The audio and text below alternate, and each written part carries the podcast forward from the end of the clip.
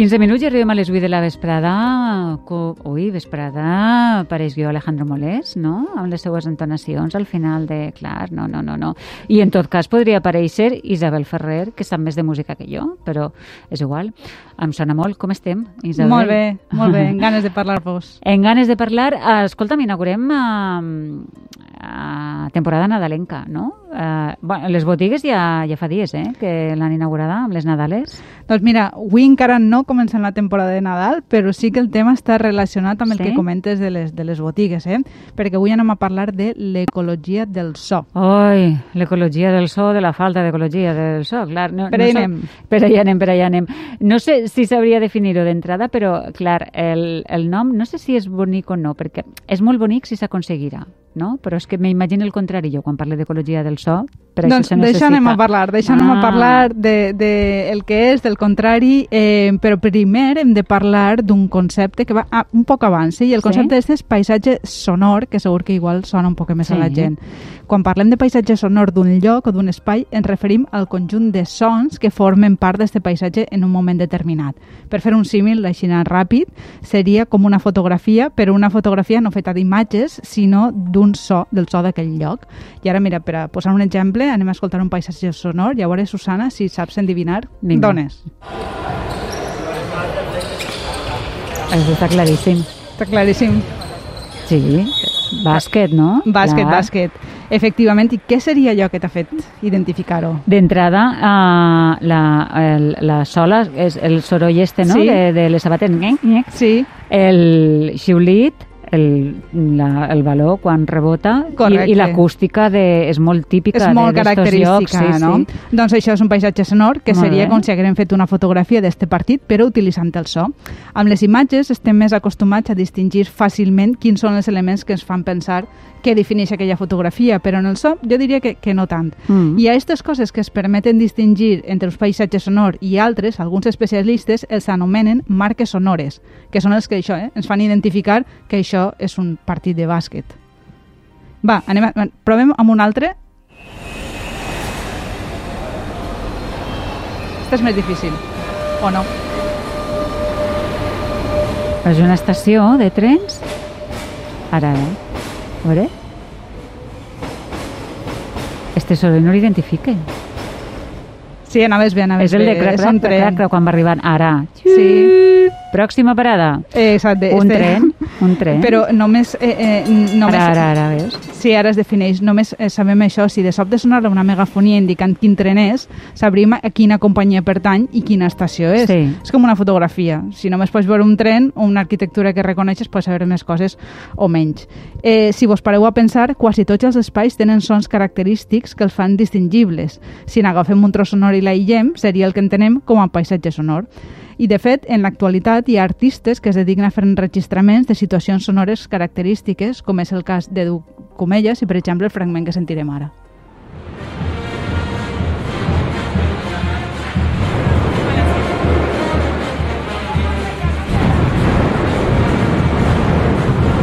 A veure, això podria ser, si no són falles, Madalena, qualsevol festa valenciana. Una festa de carrera, i va fer enregistraments de, de, les, de les falles i eh, el que volia era com fer fotografies sonores, en este cas era de l'època de la pandèmia, per ja que no es podien celebrar, sí que tindre este referent sonor. Després el que fan alguns artistes, com és el seu cas, és que aquestes pistes que graven Sí. les, les poden manipular i les poden fer eh, interactuar amb altre tipus d'enregistraments o fins i tot amb instruments convencionals, com és també el cas d'Edu Comellas, en este cas formant duet amb la viol violoncel·lista Sara Gadan.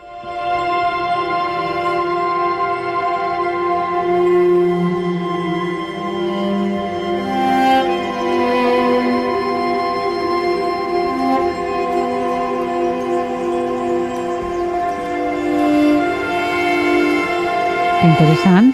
Que per cert, Edu Comelles ha visitat en alguna ocasió el, el programa. I clar, tu quan has dit eh, paisatge sonor, jo m'he imaginat una cosa més com, com, com això, no? Este fons d'ocells que estem escoltant, una cosa més relacionada amb la natura...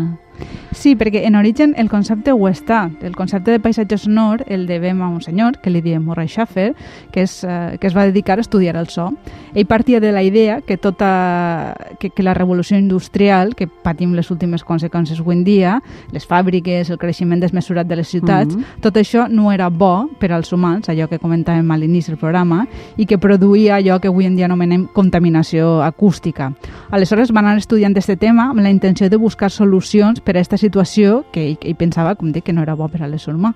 Ah, eh, que una solució seria, per exemple, les màquines que utilitzen les ciutats per a mesurar els decibels. Sí, clar, avui en dia aquesta tecnologia ens permet aquestes coses i evita que en ocasions ens exposem a un volum de so que podria resultar perjudicial per a la salut.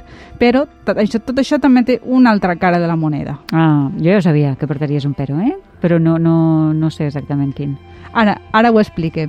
El, el so, de la mateixa manera que qualsevol altre fenomen de la nostra realitat quotidiana, es pot regular. En aquest cas, hi ha lleis que regulen, que tot això ho sabem tots, a quines hores es pot fer o no es pot fer soroll i quins nivells de volum són els permesos.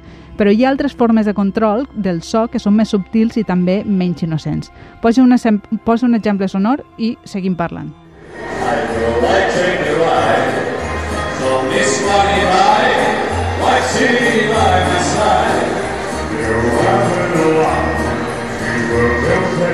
Mm -hmm. Això que sentim és el so d'un centre comercial de, de Madrid que ha llogat un grup de música que canten, eh? eh que canten Nadales mentre la gent compra. Sí. Això pareix molt banal i quotidià, però no ho és tant perquè el missatge en el fons que es persegueix va molt més enllà. La intenció de crear un ambient que faci que consumisques d'una forma quasi reflexiva no és molt innocent. I per això, per a crear aquest ambient, utilitzen el so que, per si ja se'ns havia oblidat, et, et va dient tota l'estona que és Nadal. Per tant, has de comprar. Tots aquests sistemes de persuasió en l'actualitat són molt subtils, però en el passat també ho empràvem i es veu amb més claredat, eh? Mm. això que estic explicant. Poso un altre exemple. A principis de segle, les classes benestants començaren a utilitzar el silenci com una marca social per a distingir-se eh, de, de la gent que no era tant, del món obrer, de, dels mons més marginals. Um, no està demostrat al contrari, que, eh, que ser silenciós es fa a millors o pitjors persones. No, ja. no està escrit. Senzillament més sorollosos o menys. Eh, o menys, exacte. Eh, és una idea, el fet de ser silenciós, que ens han anat inculcant des de l'escola fins a les sales de cinema. La idea de fer soroll, cridar, mm, no saber quan s'ha de callar, eh, segons aquestes normes d'educació, vol dir que són més maleducats, però això no està escrit en cap lloc. I en realitat és així senzillament perquè en algun moment de la història es va decidir que alguns sons eren possibles en alguns moments i altres no. Mm. M'interessa, m'interessa, perquè és que a mi el soroll eh, i el, el silenci m'apassiona i el soroll em molesta molt. Posa'm algun exemple més concret. Sí, mira, en el passat en, en tenim un, un fum. El primer de tots és que el fet d'estar callat en un concert o en, una, o en un espectacle teatral. Abans la gent durant aquests espectacles parlava, interpel·lava els actors i les actrius, aplaudia mitjan d'una peça si no li havia agradat. Això encara ho hem escoltat així, sí. jo quan era més xicoteta, mitjan d'obres de, de les bandes.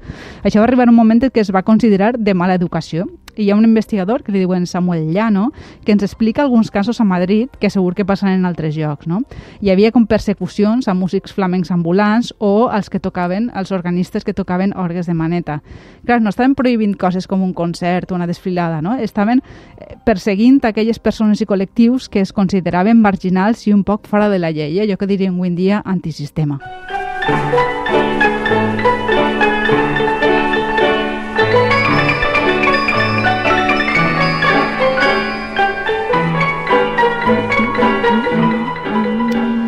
Doncs, com vos deia, totes aquestes formes de regular el so, tant aquelles que vegem més positives, controlar els decibels, que els veïns no facin soroll durant la nit, sí. com altres més qüestionables, les músiques ambientals als trens, als supermercats, hi ha gent que li agraden, hi ha gent que no, eh, la necessària autorització per a fer música o cantar en espais públics, que s'ha de demanar permís, no?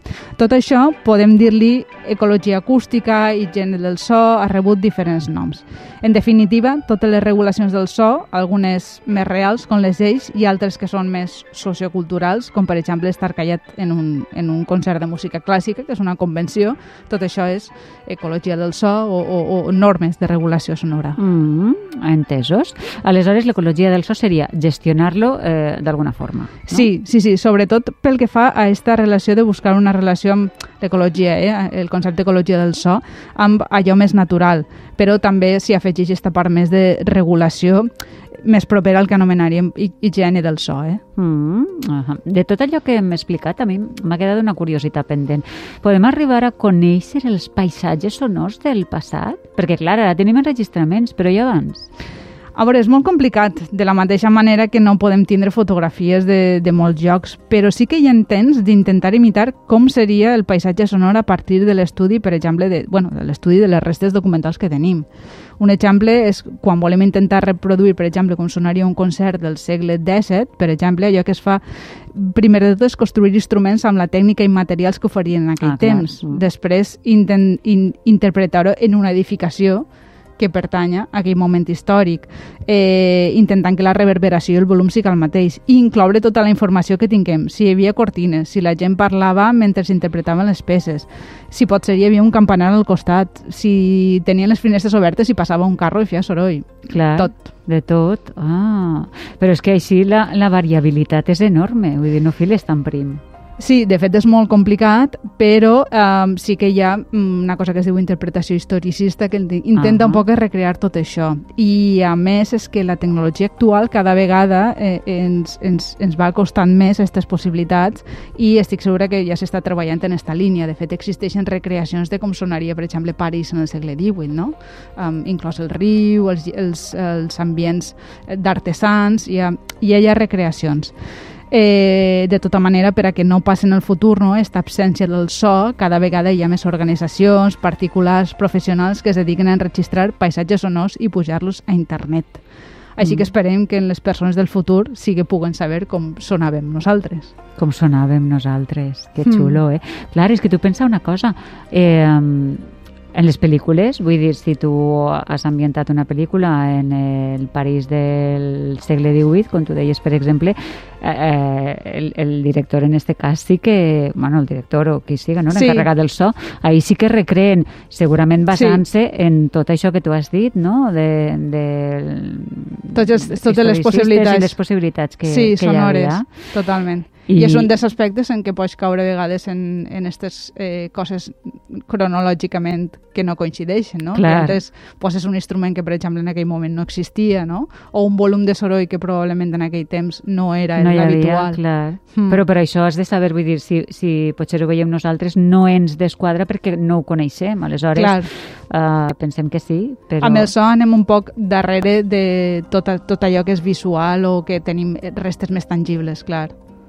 Que interessant això, eh? Que interessant. Jo el primer que pensava quan parlaves d'ecologia eh, del paisatge sonor eh, pensava, doncs, eh, pensat en el, en el, en el soroll, en l'ecologia sonora, perdona, i pensava en el soroll excessiu i aleshores que ecologia se referia a tindre... Té, té aquesta part, eh? en l'origen no? del concepte és este, és tornar, diguem, a un ambient més relacionat amb la natura, mm. perquè tota la gent que segueix això creu que, òbviament, tot este so eh, excessiu i Contamina. industrial contamina contaminant és perjudicial per a, per a l'ésser humà a com a espècie. A mi m'estressa, és una de les coses que més... Eh, me, me note absolutament inestabilitzada quan hi ha molt de soroll. Mm. Sí, sí, a mi també em passa. Sí, eh? sí, sí, no sé sí, si és compatible en ser musicòloga, però s'aprecia no sé, molt jo no soc, Jo no soc musicòloga, però seria puça, diríem, o, o, o, o bé, o molt sensible no? a alguns eh, estímuls, i en aquest cas al soroll. Doncs escolta, molt interessant, com sempre, Isabel. Gràcies. Fins la setmana que ve. Fins la setmana Adeu. Venent.